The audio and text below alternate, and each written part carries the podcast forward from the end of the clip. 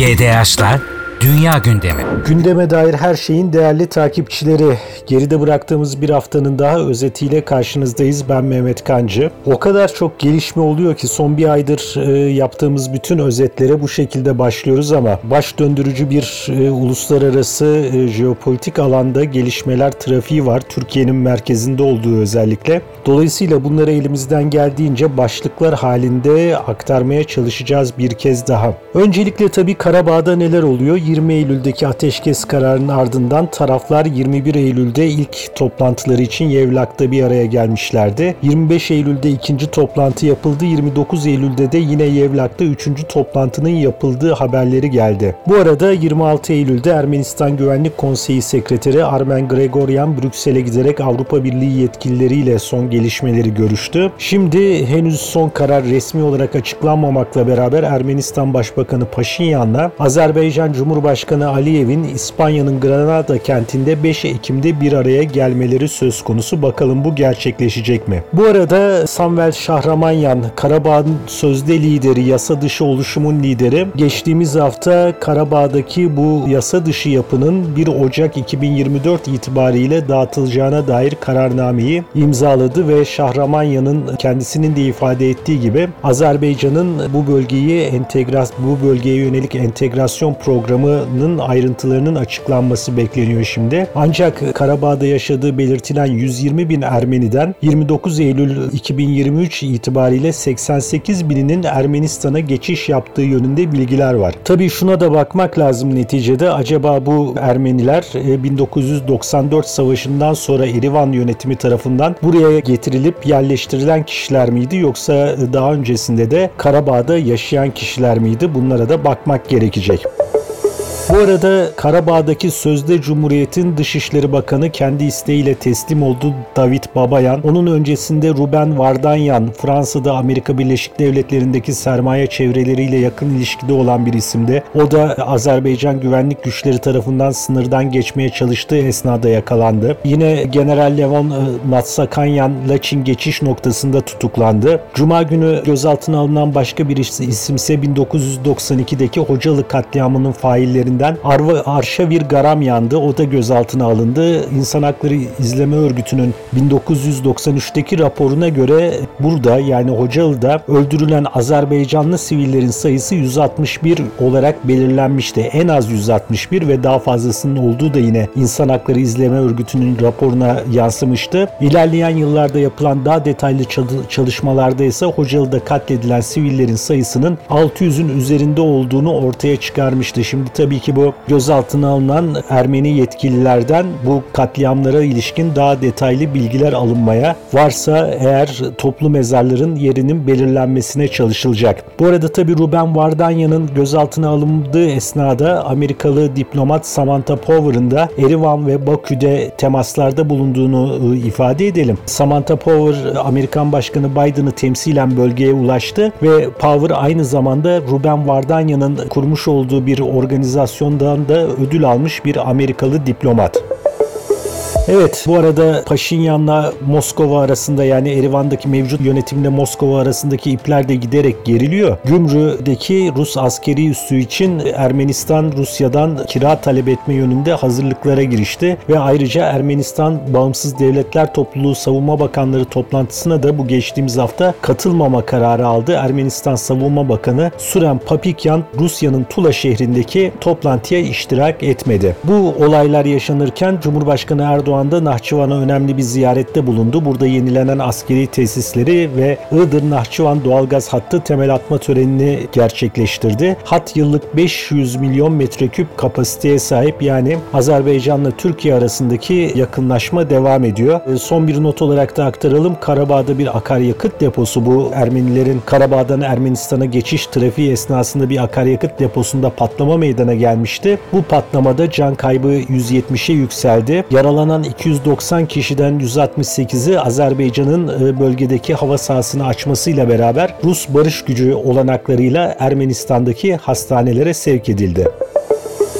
Paşinyan'la Rusya'nın arasının açıldığını ifade etmiştik. Rusya Dışişleri Bakanı Lavrov'un da Erivan'a yönelik sert uyarıları var. Erivan yönetiminin Amerika Birleşik Devletleri ile yakınlaşması Rusya'da giderek daha fazla rahatsızlığa neden oluyor. Eğer Rusya-Ukrayna arasındaki savaş ve o savaşta cephede Rusya'nın içine düştüğü durum olmasaydı büyük ihtimalle 2008'dekine benzer Gürcistan'a yaptığı şekilde Rusya'nın bir askeri müdahaleye de şahit olabilirdik. Bu arada bölgedeki gelişmeler bununla da kalmıyor. Gürcistan Başbakanı Irakli Garibashvili de Rusya'nın işgal ettiği Gürcistan topraklarının kurtarılması gerektiği yönünde mesajlar verdi geçen hafta ve etnik temizlik suçlamasında bulundu. Rusya'ya yönelik olarak hatırlatalım e, Gürcistan Başbakanı Garibashvili 78. Birleşmiş Milletler Genel Kurulu vesilesiyle New York'ta bulunduğu esnada Cumhurbaşkanı Erdoğan'ın ikili görüşme yaptığı hükümet başkanları arasında ilk sırada yer almıştı.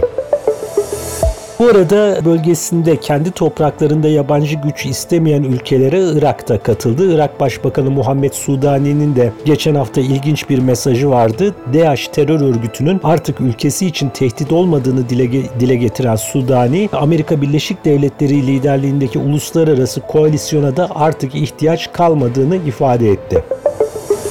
Geçen haftanın önemli gelişmelerinden biri Balkanlardaydı. Kosova'nın kuzeyindeki Leposavić kasabasını hedef alan silahlı saldırıda bir polis memuru öldürüldü. Sırbistan'dan geçtikleri iddia edilen kalabalık bir silahlı grup ki bunların görüntülerden anlaşıldığı kadarıyla iyi bir askeri eğitim aldıkları iddia ediliyor. Banska bölgesindeki Manastır'a sığındılar daha sonra çatışmanın ardından ve dağlardan yürüyerek Sırbistan istikametine çekildikleri yönünde de görüntülere rastlandı. Bir Kosova polisinin hayatını kaybettiği bu saldırının ardından başlatılan operasyonda 3 şüpheli ölü ele geçirildi. Bulunan silah ve mühimmatın değerinin ise 5 milyon euro olduğu ifade edildi Kosovalı yetkililer tarafından ve silahların mühimmatın 2021-2022 yıllarında imal edilmiş yeni ürünler olması da yine dikkat çekiciydi. Tabii ki Belgrad'la Kosova arasındaki e, gerilim yeniden bölgede arttı. Yine Karadeniz kıyısı da yaşanan gelişmelere bakalım. Bölgede hareketlilik oldukça fazla. Romanya, Amerika Birleşik Devletleri'nden 48 adet F-35 savaş uçağı almak için girişimde bulunmaya hazırlanıyor. Romanya Savunma Bakanlığı'nın bu yöndeki talebi parlamentoya iletildi. Eğer bu alışveriş gerçekleşirse ilk etapta 32 adet F-35 uçağı alınacak. 16 uçaksa ileriki yıllarda alınacak. Daha geniş bir zamana yayılacak. Bu arada Fransa Savunma Bakanı Sebastian Lecornu de geçen hafta Moldova'nın başkenti Kişnev'i ziyaret etti. Fransa'nın Moldova'ya GM200 tipi bir radar sistemi satacağı ve Moldova hava sahasının güvenliğinin temini için Fransa'nın desteğinin süreceğini söyledi Fransız bakan. Bu da enteresan bir gelişmeydi. Gelelim Amerika Birleşik Devletleri'ne Türkiye'ye F-35 ve F-16 savaş uçakları başta olmak üzere askeri yardımları mütemadiyen engelleyen Senato Dış İlişkiler Komitesi Başkanı Bob Menendez bir kez daha yargı karşısında. Niye bir kez daha diyoruz? Çünkü geçmişte hakkındaki rüşvet suçlamaları nedeniyle 3 defa federal suçlamaya maruz kalmıştı Menendez. İki bu ikinci kez yargı karşısına çıkartılması 2015 yılındaki ilk kez yargı karşısına çıkartıldığında jürinin kararsız kalması nedeniyle Menendez serbest bırakılmıştı. Ancak bu defa federal savcılık bayağı etkili deliller toplamış görünüyor. Eşi Nadine Arslanyan'la beraber oldukça ciddi bir rüşvet çarkını kurdukları anlaşılıyor Menendez'in. 500 bin dolar nakit para evlerinde çeşitli yerlere gizlenmiş şekilde bulundu. Ayrıca 100 bin doları aşan tutarda da külçe altın bulunduğu ifade edildi. Hatta Federal Soruşturma Bürosu'nun ilginç bulgularından biri de Menendez Menendez'in Google'da bilgisayarında bir külçe altının kaç para olduğuna dair arama yaptırdığı da yine soruşturmada tespit edilen unsurlar arasında. Menendez'in bu rüşveti Mısır hükümetinin kongrede maruz kaldığı kısıtlamaları kaldırılması için verildiği ifade ediliyor. Bu oldukça karmaşık bir durum var açıkçası. Yunan Pentapostagma gazetesinin de bu konuyla ilgili haberi oldukça ilginç. Menendez'le ilgili yolsuzluk suçlamasının Amerikan Merkezi Haber Alma Teşkilatı Teşkilatı CIA ile Türk lobisinin ortaklaşa bir operasyonu olduğunu iddia ediyor Yunan gazetesi. Tabii ki eğer Menendez suçlu bulunur veya partisinin de Demokrat Parti senatörlerinin baskı yaptığı şekilde senatodan atılır istifa ederse bugünkü Amerikan dış politikasının e, küresel ekonomik ve jeopolitik gerçeklerle bağdaşmayan Amerikan politikasının irasyonel bir çizgiden kurtulması mümkün olabilir. Çünkü Amerika'da 1960'lı yıllardan itibaren seçim bölgelerindeki Rum diasporasının, Ermeni diasporasının esiri olmuş bir politikacı türü gelişti ve bu politikacılar yeniden seçilmek uğruna işte bu tür diaspora ile bir takım e, rüşvet ilişkileri dahi bunlara girerek daha sonra bunların taleplerini, bunların bağlı olduğu ülkelerin taleplerini kongreye getiriyorlar ve bugün tamamen Amerika Birleşik Devletleri'nin aslında çıkarlarının çıkarlarıyla çok ciddi şekilde çelişen dış politika uygulamalarının gündeme gelmesine neden oluyorlar. Hatta işte bu rüşvet çarkı da bu diaspora seçim ve Atina Erivan merkezli olarak bugüne kadar e, sıkıntısız bir şekilde yürüyordu. Hatta Türkiye'yi çevrelemeye çalışan ülkeler Menendez örneğinde olduğu gibi büyük ihtimalle Mısır için de geçmişte aracılık yapmışlardı. Evet geçelim şimdi Ukrayna-Rusya savaşındaki son gelişmelere. Geçen hafta Rusya'nın Karadeniz Donanma Komutanlığı karargahına, Kırım'daki karargaha İngiliz yapımı Storm Shadow füzeleriyle saldırıda bulunulmuştu. Ukrayna istihbaratı Rusya'nın Karadeniz Donanma Komutanı Amiral Viktor Sokolov'un beraberindeki 34 subayla beraber öldüğünü iddia etmişti. Ancak Sokolov'un bazı görüntüleri e, basınla paylaşıldı ama tabii ki yine de karşımızda Rusya'nın e, olduğunu unutmamak lazım. Bunlar Sokolov Sokolov'un gerçekten güncel görüntüleri mi değil mi buna tam olarak emin olunabilmiş değil. Bu arada Robotni'yi ele geçiren Ukrayna ordusu Azak Denizi kıyısındaki Melitopol yolunda bulunan Tokmak'taki bir mühimmat deposunu vurdu. Bu bölgede de çatışmaların şiddetlendiği anlaşılıyor. Hatta e, Rus ordusunun Perşembe günü itibariyle kendi hava kuvvetlerine ait Sukhoi 35 tipi bir uçağı yanlışlıkla dost ateşiyle vurduğu da yine gelen bilgiler arasında. Amerikalı senatör Lindsey Graham'ın da Ukrayna-Rusya savaşı ile ilgili çok enteresan tespitleri vardı. Graham şunu söyledi. Rus ordusunu tek asker kaybetmeden alt üst ettik. Rus ekonomisi çöküşte. Rus ordusu ağır kayıplar verdi dedi senatör. Aslında bu konuda çok haklı. E, Amerika Birleşik Devletleri gerçekten kendisine ait tek asker kaybetmeden Rus ordusunu ve ekonomisini çok ciddi şekilde yıpratmış durumda.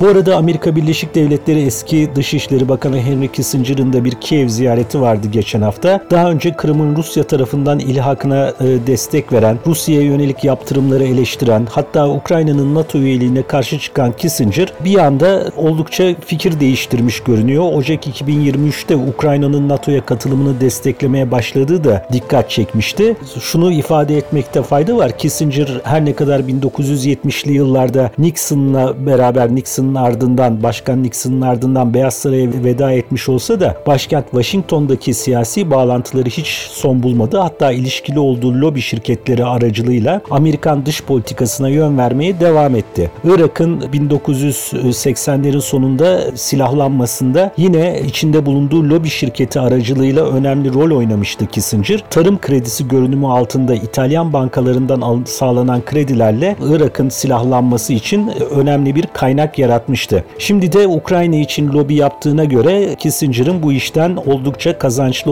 olduğu anlaşılıyor. Gelelim patronlarını kaybeden Prigojin'in uçak kazasında ölümünün ardından başıboş kalıp kalmadığı tartışılan Wagner özel ordusuna. Rusya Devlet Başkanı Putin'in Albay Andrei Troshin'le daha önce kendisi de Wagner grubundaydı bir görüşme yaptığı bildiriliyor. Eski Wagner askerlerinin yeniden e, Ukrayna cephesine geldiği yönünde döndükleri yönünde haberler var. İngiliz istihbarat kaynaklarına göre Rusya'nın hala Ukrayna cephesine sevk edebileceği 1 milyon kişilik bir insan gücü de mevcut ve 2024 2024 yılında Rusya Ukrayna topraklarında elinde tuttuğu 5 bölgeyi savunmak için ciddi bir hazırlık yapıyor. Kış ayları boyunca bu hazırlığını devam ettirecek Rusya muhtemelen bu bölgeleri elinde tutmak için sonuna kadar direnecek. Bu arada yine Kiev'i ziyaret eden bir başka isim NATO Genel Sekreteri Stoltenberg'ti. Perşembe günü Kiev'deydi. Ukrayna Devlet Başkanı Zelenski Stoltenberg'den daha fazla hava savunma silahı istedi. Çünkü kış mevsimi gelmeden önce Rusya'nın Ukrayna'nın enerji altyapısını hedef alması bekleniyordu ki o saldırılar başladı bile. Bir kış mevsimini daha Ukrayna'nın enerji kriziyle geçmesi oldukça zor olacak.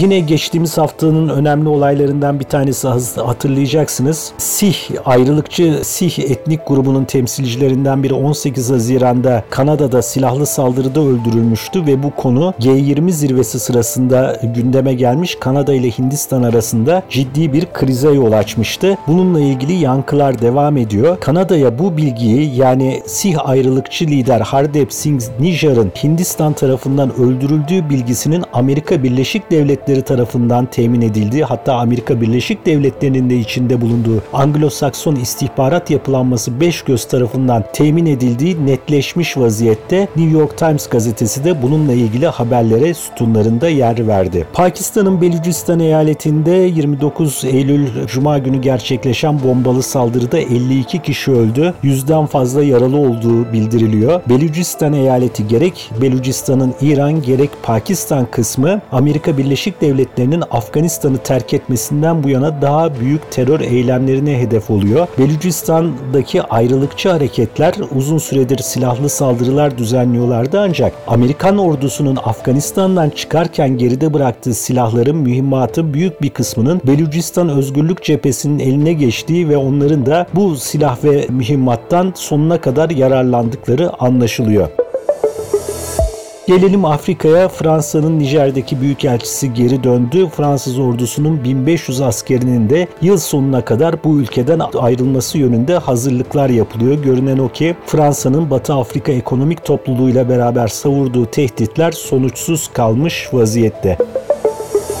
Bu arada Fransa ile ilgili bir diğer ilginç gelişme de Fransa Cumhurbaşkanı Macron'un Akdeniz'deki Fransız toprağı Korsika adasına özellik vermek için harekete geçmiş vaziyette. Bakalım Macron'un bu önerisine Korsikalılar ne diyecek? Bu arada Fransa 2024 bütçesini açıkladı. Finans piyasalarından 285 milyar euro borç alacak Fransa 2024 yılında ki bu tarihi bir rekor olacak. Fransa'nın iç borcu hali hazırda 3 trilyon euroyu geçmiş durumda. 600 200 milyon avro gelir elde etmek için de önümüzdeki yılın bütçesinde otoyol geçiş ücretlerine zam yapılacağı ve hava yolu taşımacılığında fiyatların daha da artacağı ifade ediliyor. Akdeniz'deki düzensiz göçmen trafiği ile ilgili de bir bilgi verelim. Malum küresel ısınma, Akdeniz havzasındaki ısınma yalnızca felaketlere neden olmuyor. Aynı zamanda bu göç trafiğinin takviminin de uzamasını sağlıyor. 1 Ocak 22 Eylül tarihleri arasında Akdeniz'i aşan düzensiz göçmenlerin sayısı 132.867 olarak tespit edildi. Bu arada tabii ki Fas'tan İngiltere kıyılarına ya da İspanya kıyılarına Atlantik Okyanusu üzerinden ulaşmaya çalışan insanlar da var. Onlar bu sayıya dahil değil. Akdeniz'i aşan 132 binden fazla göçmen var demiştik bu yılın 22 Eylül tarihine kadar. Bu sayı 2022'de 69.498, 2021'de 43.756 idi. Yani Akdeniz'i aşan düzensiz göçmenlerin sayısı son 2 yılda görünen o ki yıl sonuna kadar 4 katına çıkmış olacak. Bir başka not dikkat edilmesi gereken buna tabii ki ülkemizde de dikkat etmemiz lazım. Pakistan'ın Pencap eyaletindeki konjonktivit, kırmızı göz hastalığı giderek yayıl, yayılıyor. Bu rahatsızlık nedeniyle hastaneye başvuranların sayısı yalnızca Pakistan'ın Pencap eyaletinde 86 bini aşmış durumda. Eyaletteki binlerce okulda eğitime ara verildi. Uzmanlar bu hastalığın fabrikalar, plazalar, çarşılar gibi kamuya açık, kapalı alanlarda ve kalabalığın yoğun olduğu ortamlarda hızla yayıldığına dikkat çekiyorlar. Bizim ülkemizde de gerek eris varyantına karşı gerek bu konjonktivite karşı kış mevsiminin gelmesiyle beraber bireysel önlemlerimizi daha da arttırmamız gerekecek. Gelecek hafta ile ilgili son bir not aktarayım. 3-4 Ekim tarihlerinde 10. Varşova Güvenlik Forumu düzenlenecek. Gerek Ukrayna-Rusya savaşı konusunda gerekse diğer jeopolitik gelişmeler konusunda önemli mesajların verileceği bir toplantı olacak bu. Bunu da yakından takip ediyor olacağız. Evet gündeme dair her şeyde 29 Eylül'e kadar 22 Eylül'den başlayıp 29 Eylül'e kadar devam eden haftadaki gelişmeleri özetlemeye çalıştık. Yoğun bir haftaydı. Gelecek hafta yeni gelişmelerle buluşmak üzere. GDH'lar Dünya Gündemi